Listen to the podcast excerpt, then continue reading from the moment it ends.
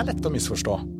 Man vet ikke helt hva man ser på. Ser man egentlig på en sosialrealistisk film, eller ser man en kunstfilm hvor måte, det, virkelige ikke er det man prøver å etterligne?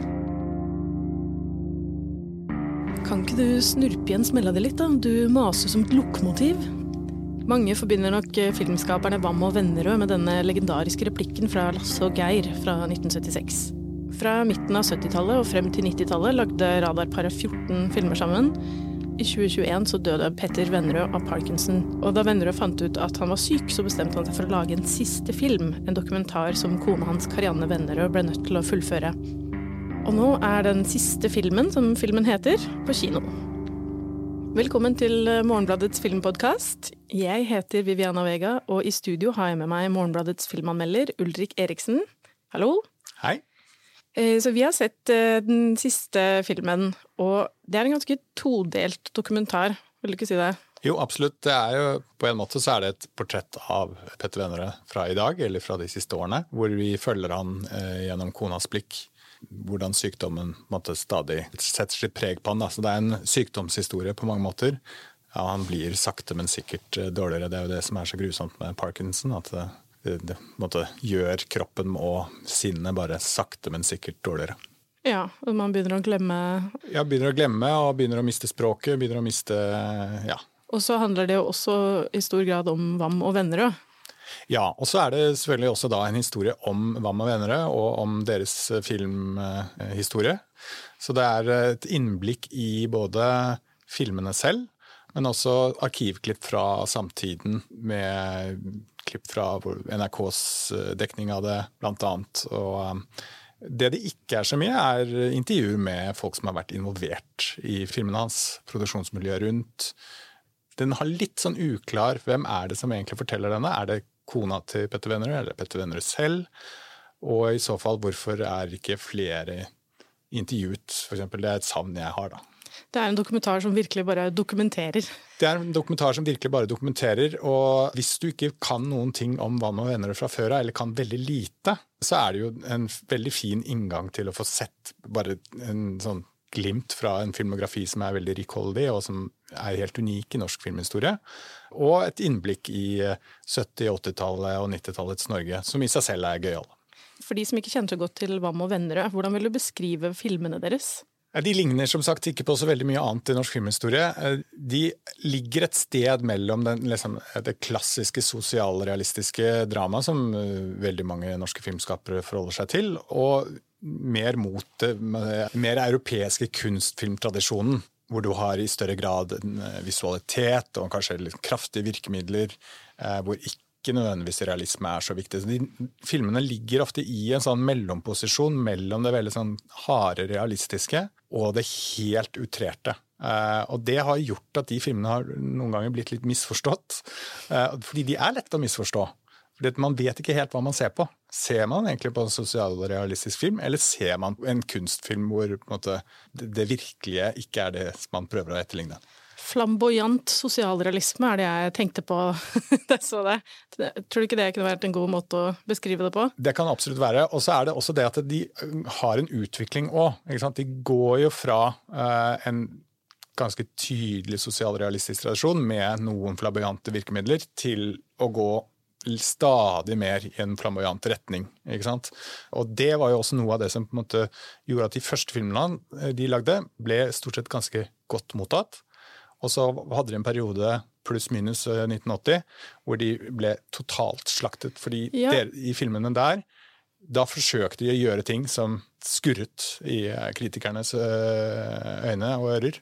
Og dermed fikk de dette stempelet som vi jo kjenner i dag som en Vam og Vennerød-film, som på mange måter var jo et kvalitetsstempel da, men som i stadig større grad ble en vits. Og det er det vi ofte husker det som i dag. da. Men vi fikk jo virkelig hard medfart av kritikerne til tider. Jeg lurer på, Hva, hva er det som provoserte så mye? Jeg tror det var det at det var litt sånn vanskelig å klassifisere. Og så er det jo virkelig ikke alt som er så veldig bra. Det skal jo også sies. altså Det er jo ikke sånn at alle filmene til Hva med venner er helt fantastiske. De, de, mange av dem har store problemer, store svakheter. Men de var aldri uinteressante. De prøvde alltid noe helt annet. og Bare det i seg selv, i en norsk virkelighet på den tiden der, var jo forfriskende og burde kanskje ha blitt verdsatt i større grad. Jeg er helt enig. De har liksom det man sier på engelsk, point of view, da. Jeg, jeg er jo litt for ung til å ha fått med meg Hva med venner og sin storhetstid, og jeg var da jeg er denne generasjonen som ble introdusert for dem via åpen post, da, ikke sant, med det snurpien smella, det maser som et lokomotiv. Og jeg har inntrykk av at etter Åpen post så ble de bare en vits. Men for ca. ti år siden så var jeg på en visning av Lasse og Geir på Chateau Neuf, altså Studentsamfunnet i Oslo. Og da var det en samtale med Lasse Tømte før filmen. Det er da han som spiller Geir, og ikke Lasse, for ordens skyld. Og da var jo salen full av uh, unge studenter som hadde sett uh, Åpen post, og alle satt liksom humra forventningsfullt og venta på alle disse one-linerne fra Lasse og Geir. Men Lasse Tømte han ville liksom ikke gå med på at det var en tullete og dårlig film. Det eneste han mente var litt latterlig, var at uh, de var kanskje litt for gamle til å spille tenåringer. For de skal jo forestille tenåringer, men jeg tror Lasse og Tømte og Torgeir Skjerven uh, de var vel rundt 20 eller noe sånt. Ja, vel så det, tror jeg. Ja, kanskje, kanskje litt eldre også. Mm. Men da jeg faktisk så filmen, så ble jeg veldig positivt overraska. For den, den er litt sånn forvirrende. Du veit aldri helt om det er når det er morsomt og når det er alvorlig. Den svinger litt fort. Men, men jeg syns det var liksom første gang jeg hadde sett en norsk film som hadde sånn sterk vilje. Da. Det er liksom et eller annet med det. En vitalitet da, som jeg ikke hadde sett i en norsk film. Så jeg syns absolutt de, er, de har vært bedre enn sitt rykte ja, og Det er interessant det der med, med hva Åpen post har gjort for Vann og Vennerød, eller mot Vann og Vennerød, kan man kanskje heller si. Og Det er jo det som uh, var jo 90-tallsironiens frigjørende kraft, men også uh, en sensurerende kraft, nesten. ikke sant? Fordi at uh, det er lett å latterliggjøre Hva man mener. Det er ikke noe vanskelig i seg selv, og det er, kan være frigjørende. Og på 90-tallet så føltes det frigjørende, for da var det fremdeles et sånt behov for å ta et oppgjør med det, det der norske 70-tallsgreiene. I dag så fremstår jo på en måte det norske 70-tallsgreiene eh, spennende, og da mente man noe. Da ønsket man noe med kunsten. Så det fortjener ikke å bli ironisert bort lenger. Det er vel det som er det vi har å lære av det stempelet som venner fikk på 90-tallet. Vi bør bare fjerne det. Se hva man venner uten et ironisk blikk. Prøv å ta det til deg. Og ikke alt er bra, men uh, ingenting er uh, sånn som du har sett tidligere. Nei, det er alltid noe der som er interessant. Det er alltid i hvert fall enkeltscener som er sånn kjempesterke, og, ja, og dialog, ikke minst. Jeg har inntrykk av at mye av latterliggjøringa av Wam og Vennerød er basert på en slags misforståelse om at de bare prøvde å lage realistiske filmer, men liksom bomma. Det virker i hvert fall som Åpen post. Jeg var veldig opptatt av det, at det var så kunstige liksom, replikker og, og sånne ting det? Du har jo den realismetradisjonen som jo, var jo veldig sterk da, og som for så vidt preger norsk film i veldig stor grad i dag også. At det, vi ønsker at film skal speile virkeligheten. At det skal være noe sånn hyperrealisme ute og går. da, At man skal lure på om dette er virkelig, kanskje. Og ikke bli dratt ut av fiksjonen som jo er en veldig sånn konvensjonell måte å lage film på. Som kan være veldig effektfullt, og, og, og, ofte er det veldig vanskelig å få det til. Uh, så Derfor blir det ofte verdsatt også. Men det er jo ikke det som har vært behovet, eller målet med Bama Bønneres prosjekt. Og så kan du si noen ganger så eh, kan man jo gjemme seg bak en sånn strategi òg. For hvis det er scener som ikke fungerer eh, så veldig bra, så kan man si jo, men det var meningen. Det skulle det være litt tullete. Og det er jo noe som ligger der som en sånn dobbelthet også, som gjør at det kan bli misforstått. Eller kanskje det blir veldig forstått, men, eller avslørt, da, nærmest. Det ligger en dobbelthet der. Det er ikke alltid helt åpenbart hva som er hva. Nei, jeg så Åpen framtid nylig, og jeg syns både i Hva med å endre filmer, men norsk film generelt, har det ofte vært et problem at jeg har putta inn Altså, intensiteten hos skuespillerne varierer ganske mye. Så du kan ha sånne der trente teaterskuespillere. De har jo Wenche Foss dukker opp i flere av filmene til Mamma Vennerød. Og så har du talent fra gata, da. Som er ofte disse unge guttene og sånt. Og det kan jo skape litt sånn komisk motsetning, da. Men, men det, på en måte så syns jeg nesten det gjør det litt enda gøyere å se på. Og jo mer jeg ser av Hvem og venner, jo mer begynner jeg å assosiere dem heller med litt sånne flamboyante regissører som eh, Almodovar, eller til og med John Waters. Det er litt av det hysteriske, hvor de, hvor de bare har skrudd opp nivået mye høyere, da. Ja, selv så var de jo veldig inspirert av Reine Werner Fassbinder, og det kan se veldig klare trekk derfra. Veldig mange av filmene til Fassbinder har veldig mange likhetstrekk ved filmene til Hva med venner? Og både bruken av skuespillere, amatører f.eks., og overtydelighet i skuespiller skuespillerteknikken, det er ting som er fra Fassbinder. Også det visuelle, det, det ekstreme, det, det flamboyante og blandingen mellom det realistiske og det flamboyante, som også Fassbinder er veldig opptatt av. Og også dette anarkistiske perspektivet, som jo også Fassbinder er en del av. Hva og vokste opp i en, en, del av den norske kulturhistorien hvor det radikale var det dominerende. Mens Hva venner de var jo på en måte på venstresiden, men de var totalt anarkistiske. De kunne kritisere AKP ML som bare det. De hatet dem. ikke sant? Og de mm. latterliggjorde dem. Og de latterliggjorde Arbeiderpartistaten og sosialdemokratiske prosjektet. Altså, de hadde mange sånne spark til veldig store deler av Kultur-Norge. Konformitet. Konformiteten. Det strømlinjeformede sosialdemokratiet, kalte de det. Ja, det eh, sosialdemokratiske helvete ja. er også en sånn uh, linje som er forbundet med, ja. med hva man mener. Og det å sparke på de tingene der, det var jo å be om bråk, ikke sant. Fordi de som satt med makten, var jo en del av det de satt på alle mulige støttemidler. De satt på, det var de som måte, var gatekeeperne. da. Eh, de var enten sosialdemokrater eller AKP-ere. Og, og for Hva med venner som virkelig ikke ville forbinde seg med noen av de, så ble det et, eh, en, en, sånn outsider-posisjon som kunne bli problematisk. Men som også var veldig forfriskende, og som fremdeles oppleves som forfriskende fordi at de ikke var en del av den der. De erta jo på seg en del konservative også. Var det ikke KrF som ville forby eh, var det Hotell St. Pauli eller noe sånt? Det kommer fram i den dokumentaren. Ja, det som ikke kommer så godt frem i dokumentaren, synes jeg, er den, dette synet på seksualitet som kommer frem i filmene deres. De hadde en veldig sånn frigjort uh, syn på, uh, på, seksualitet, som da var jo ganske revolusjonerende, men som i dag fremstår veldig sånn ja, Sånn er det jo selvfølgelig. Det var homofile, det var alt mulig rart. Uh, og de var veldig utrerte, mange av disse fremstillingene, som da fremsto veldig sjokkerende. Og det var mange sexscener. De brukte jo dette for alt det var verdt, for de visste jo at det var ikke mye sånt på norsk film.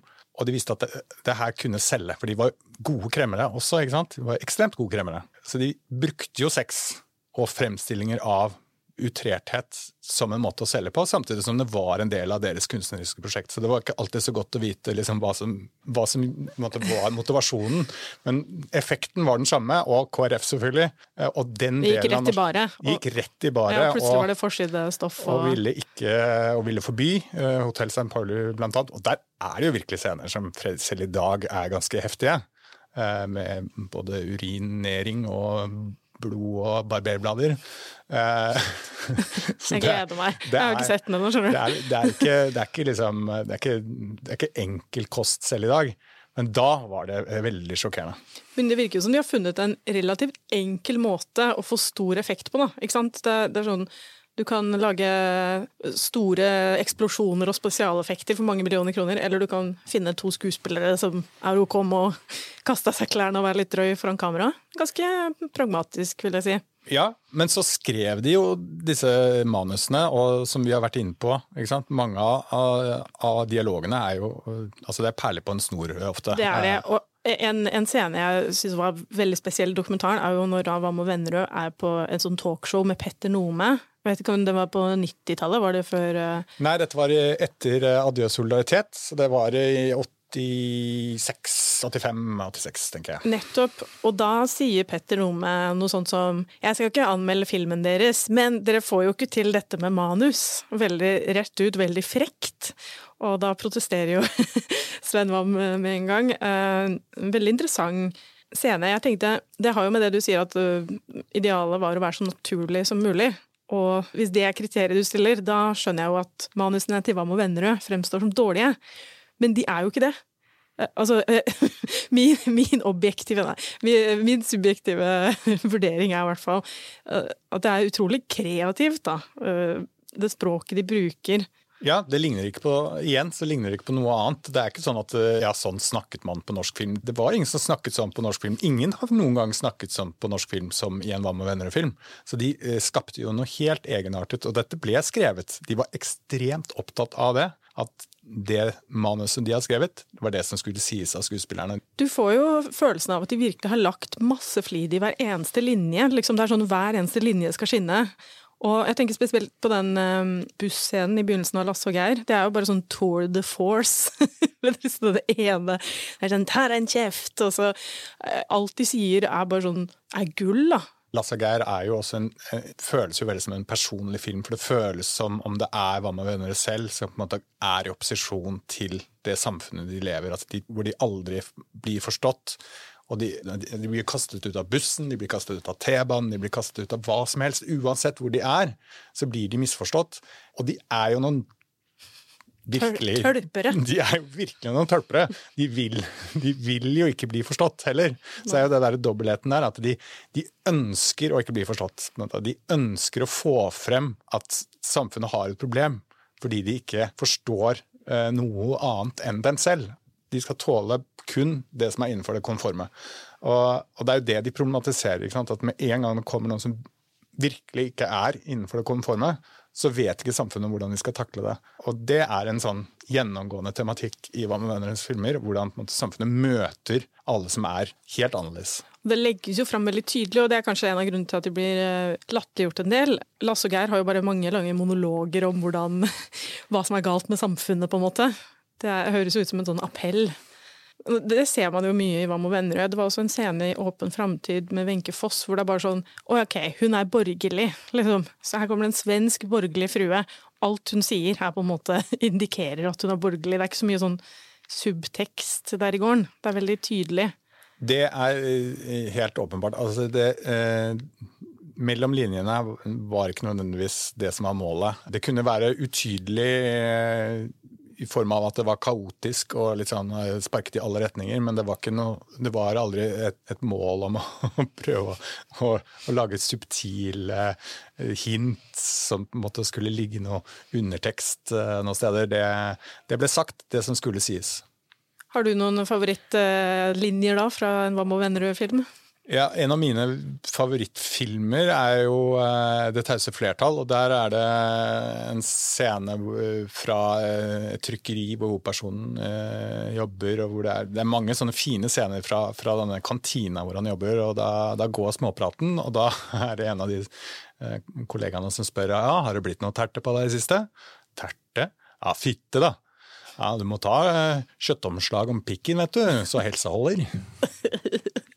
Det er så, det er så grafisk. det, er, det, er, det, er, på en måte ingen eh, Ja, du får det bildet, og så har du det Da blir kjøttomslag. Det blir da Da vet du det, ja. Det, ja, den satt, den. Mm. så dette var Det tause flertall? Den kom rett etter uh, Lasse Geir, så 78, tror jeg. Som også er en interessant film, fordi den viser jo nettopp det tause flertallet. At det er jo Nixons store begrep. ikke sant? Altså at ja, vi kan være raddiser og vi kan være litt av hvert på venstresiden og sånn, men det vi aldri kan komme fra, er at den store majoriteten av befolkningen er de som sitter mest stille og som ikke protesterer, men som sitter i kantina og småprater. Og det er et portrett av måte, det, den avpolitiserte flertallet som aksepterer det samfunnet vi lever i, prøver å glatte over det mest mulig, prøver å finne sin posisjon i det. Og den er en sympatisk fremstilling av det, for hovedpersonen er en del av dette tause flertallet. Han er ikke en politisk. Men det er en sympatisk fremstilling av det likevel, selv om det også er en kritikk av det. For at det, hva med venneres perspektiv er jo hele tiden å være på utsiden av det. Ja, det hørtes sånn som du beskriver den, at det er liksom eh, som motpolen til Lasse og Geirian. Da. Det er sånn modererende film, nesten. Så, ja, ja, vi bryr oss om dere også. ja, er, men, men, de som hele tiden får kritikk, det er jo de raddisene. De, altså AKP-folka. Mm og sosialdemokratene. Så det, det går igjen. Det er de som er eh, fienden, på en måte. Det er vel litt høyreekstreme i filmen også, er det ikke? Ja, og det kommer kanskje særlig på 80-tallet. Og det henger jo sammen med at i Oslo på den tiden der så fantes det jo et reelt et nynazistisk miljø. Som blir særlig da portrettert i Adjø solidaritet på en ganske sånn ja, eh, effektfull måte, kan man si. Altså, jeg har da ikke sett Adjø solidaritet, men etter å ha sett den dokumentaren, eh, den siste filmen, så har jeg blitt helt desperat etter å se den. Men den er jo kjempevanskelig å få tak i. Eh, ja, altså nå har, eh, Så vidt jeg har skjønt det, så har de trukket alle filmene tilbake. Det lå en del filmer på Filmarkivet tidligere. filmarkivet.no. Eh, mens nå så er eh, alt uh, trukket tilbake, og de skal digitalisere på nytt, tror jeg. Og det skal relanseres og det er alt mulig. Så er, nå, akkurat nå er det veldig skrinne kår for å se hva man mener, som jo er litt, litt paradoksalt. da. De kunne kanskje ha fått disse tingene ferdig før de lanserte den dokumentaren, men, men. Fra et sånt markedsperspektiv så gir det jo ikke mening i det hele tatt. Det gjør absolutt ikke, og det ville jo ikke vært det helt store markedet kanskje uansett. Men, men Adjø solidaritet regnes jo da som deres liksom store verk, og det, eh, det, var det jo virkelig, og det er det jo virkelig. Altså er, den er to og en halv time lang, den er, den er 82 skuespillere og sånn. De hadde alltid veldig lang rolleliste for mange av filmene sine. De utnyttet ofte at eh, de spilte inn så mange norske filmer om sommeren når Nationaltheatret var stengt, så de bare hentet inn hele alle skuespillerne der, og så satte de inn med ulike roller. Men det som er med Adjø solidaritet, er jo at det er den sånn virkelig store filmen hvor de har på en måte fått penger. Det er mye som står på spill, for de har hatt mange år hvor de har, filmene deres har gått ganske dårlig og fått mye kritikk. Og det er blitt liksom, det der Hva med venner' og greiene har blitt en sånn en saying. Og så nå skal vi liksom, nå skal vi vise dem. Og så lager de en to og en halv timers film om Norge på 80-tallet. Jappetid. Eh, farvel til solidariteten. Farvel til liksom, 70-tallets radikalisering og de bare splæsjer på med alle mulige filmatiske virkemidler. De har jo en fantastisk fotograf, Philip Øgård. De har veldig mye av de flinkeste folka i norsk filmbransje er med. Og så er det ganske sterkt manus i tillegg. Så det er veldig mye som funker i Adidas solidaritet. Det er masse scener der også som er over the top, blir for mye, det funker ikke. Men det er veldig mange scener som er wow. Det, det, står seg som måte, deres høydepunkt, kunstnerisk og kommersielt. Det ble en stor kommersiell suksess. Og siden så gikk det jo uh, bare nedover. Ja, Den siste filmen de lagde sammen, det var uh, det Sebastian? Var, Sebastian i 95. Og så lagde Svem om Desperate bekjentskaper i 97 eller 98. Men alle filmene på 90-tallet ble veldig dårlig mottatt de mistet på en måte noe av den der nerven eh, som var der. Og det er jo litt det derre fordi at man jobber med en sånn støtteordningskulturvirkelighet, så må de på en måte eh, Når de ikke får pengene, så er de misforstått ofre. Og når de får penger, så er de sånn Selvfølgelig får vi penger, vi er de beste. Altså, det er den derre Eh, dobbeltheten der da, som mm. gjør at uh, man enten er et liksom, geni eller totalt misforstått. Og etter hvert som du måtte, beveger deg inn i det misforståtte landskapet, så kan det nærmest nesten bli en sånn selvforklarende profeti. Og det er litt det som skjedde på 90-tallet, at de, de, mistet liksom gnisten. De ble bare ofre, ofre, ofre. ofre. Og så kom jo hele Åpen post-greiene og ødela totalt, og gjorde at det var, ble faktisk helt umulig for dem. Det var spikeren i kista, ja. Det var spikeren i kista. Ja, Kanskje vi skal benytte denne anledningen nå med dokumentaren om Petter Vennerød til å dra Vam og Vennerød og miljøet rundt ut av glemselen. På tampen, har du, har du noen filmanbefalinger? Kanskje noe sosialrealistisk, f.eks.? Ja, jeg vil jo da gjerne anbefale Rainer Werner Fassbinder, da, som jo er eh, på mange måter eh, arnestedet for Vann og Vennerøds filmprosjekt. Hans eh, eh, 'Angsten eter sjelen' handler om en eh, marokkansk fremmedarbeider som inngår et forhold med en litt sånn middelaldrende vaskedame. Og Det er en veldig sånn fin fortelling om en, en, en kjærlighetsfortelling, rett og slett, om dette paret. Men, men, også helt grusom, fordi hvordan de blir møtt av sin samtid og sine omgivelser, er nådeløst beskrevet. Og Den problemstillingen kan vi kjenne igjen også i mye av det hva man venner og driver med. Jeg vil gjerne anbefale filmen 'Mustang' av eh, Denis Gamse Erguven. Den er fra 2015. Og den handler om fem søstre på den tyrkiske landsbygda som plutselig opplever å få friheten innskrenket. Det er veldig mange som eh, sammenligner med Virgin Suicides, men jeg syns denne her er mye bedre. og, og, det er også det er en type sosialrealisme jeg liker, for det er såpass mye sjarm i den som på en måte balanserer det tragiske. Så den er egentlig ganske sånn artig å se på, selv om den også er kjempetrist. Og disse fem søstrene er helt fantastiske, interessante og morsomme folk. Så Mustang anbefaler jeg. Hvis du vil lese Ulrik sin anmeldelse av den siste filmen, så kan du gå inn på morgenblad.no og tegne et abonnement. Og der ligger det også veldig mye annet godt stoff om film, så ta en titt. Og så høres vi neste gang.